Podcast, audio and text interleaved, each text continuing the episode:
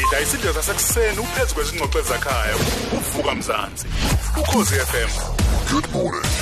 Ivuka mzansi breakfast show. Kwekhotana kanjani ke kulona ukhozi FM sobesikhuluma ke eh no Google lethu xaba ngale ka half past 7 sibheka ke zomnotho ipolitiki yawo. Kodwa ke udaba lukhulu sike sakhuluma ngalo eh ngaphambi kokuthi siye engomeni ilolo ke lokuthi namhlanje nathi nge SABC singabanyeka abaqinisekisayo ukuthi ke siyayibala lezi insuku sesithi 50 days si counter down kuona kumhla ka 18 eh ka July nalolu suku lapho sokusiqala khona ke Mandela Day ke khumbula ke ikhulu umnyaka eh lonke ke leli ke eh, siligubhayo. Bengibuke nyama quote akhe utata uMadiba. Enye khona ithi yabona into uyona into ebalayo nebalekile empilweni. Akulona nje iqiniso lokuthi ke eh, waphila. Kodwa ke iqiniso lokuthi wenza umahluko empilweni zabantu eh nanokuyiwona kokubeka ke ukubaluleka ke kwezinga lempilo oliphilile. Mm siyayenza yini na impilo noma kumahluko empilweni zabantu? #action against poverty ukhona ke uluzuko koti oyisambeli sethu namhlanje. Sikhuluma ngakho ke ukuthi njenge Nelson Mandela Foundation ikupha basikhuthaza ukuthi sikwenze nanokuthi ihleleke ibaluleke kanjani into yokuthi sifundiseke ngayi action against poverty? Luzuko sikubingelele sikwamukele. Ngiyabulisa mancane sibonga kakhulu ukuthi ube nathi namhlanje sibale insuku ezingamashumi amahlanu kuze kube umhla ka18 July kusuku lokuzalwa lakhe utata uMadiba kwi-International Nelson Mandela Day. Awusifundise ngayi action against poverty?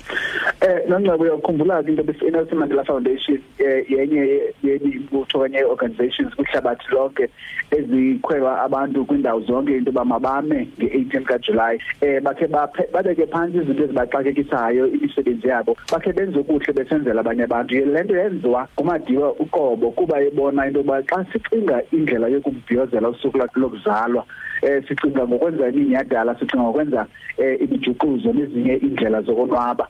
Kanti ke yena ke wabefuna sisebenzise lo xesha ukuba sinikele ngalo eh kwabanye abantu. Uyakhumbula ke into bayona ngxaki sinayo eMzantsi Afrika eh intswela eh intswela nje jikelele noba intswela ngqesho kanye intswela misebenzi okanye intswela kutya okanye intswela empilo efanelekileyo. Yonke loo nto ithetha ukuthi abantu baswele nokuba baswele ntoni na eh kufuneke ke senze into ngezinto esizibonayo kwindawo zethu zethu zokuhlala. Sithe siyi-Nelson Mandela Foundation kuzinto zonke esizenzayo masijonge i-poverty le njengenye yezinto eziyingxaki ezininzi eMzantsi Afrika nokuba ke zikhona ezinye ezifana ne-unemployment ezifana ne-inequality eh kodwa i-poverty lena yenye yezinto ezifuna ukunikwa ingqwalasela eyodwa. Yiyo loo nto ke ngosithi masithathe amanyathelo ngumntu wonke eh, ukulwa i-poverty. Hayi ngendlela yokuba uze nesonka okanye wenze isandwich nje kodwa uqinisekise into yoba wenza indlela esustainable izinto ezawuyisombulula le poverty ngokupheleleyo ezawuqinisekisa into yoba abantu ba-empowered abantu banikwa amandla okuzimela.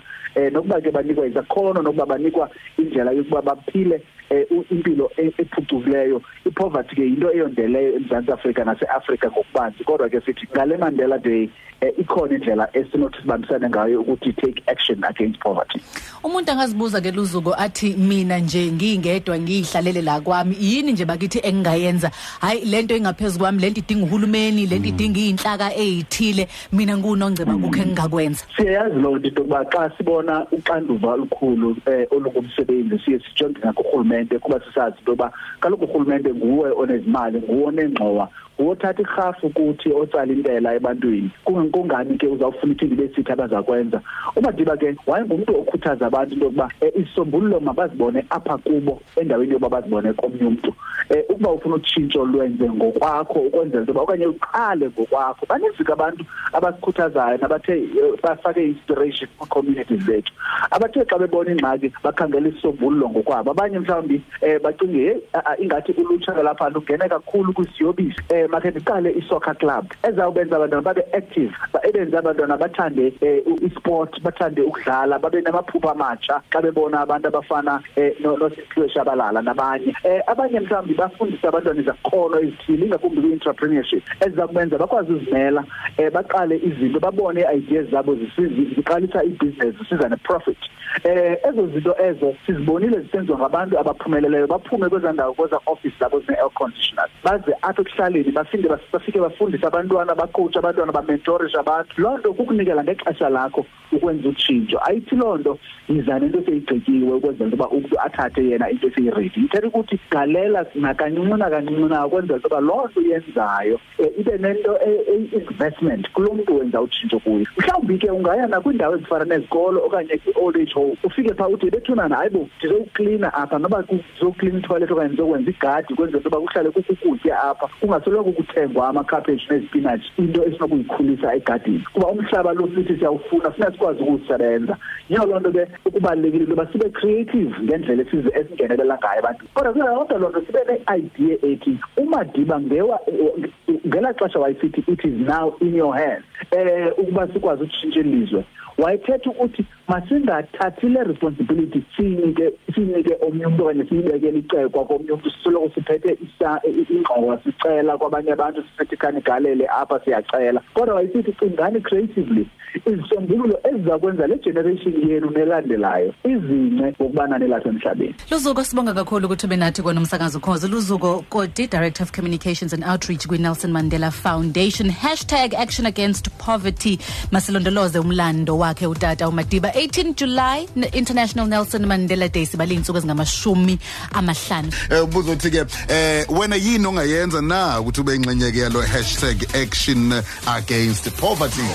Yazi ngiwathandile eh lamacebo esiwanikwa uluzuko ukuthi sibheke izinto. Yebo ke khona singakwenza ukuthi mawubona ukuthi umuntu uswele umlekelele manje ekusweleni kwakhe. Kodwa ukhuluma indaba yokuthi senze izinto ezizoba sustainable. Okusho ukuthi izinto ezizohlala engobe into ezosheshe iphele. Yabona le yabona nje ukunikela ngesikhathi sakho. Ukuze umuntu akwazi ukuthi avule kumqondo ukuthi angangena komuphi umkhakha.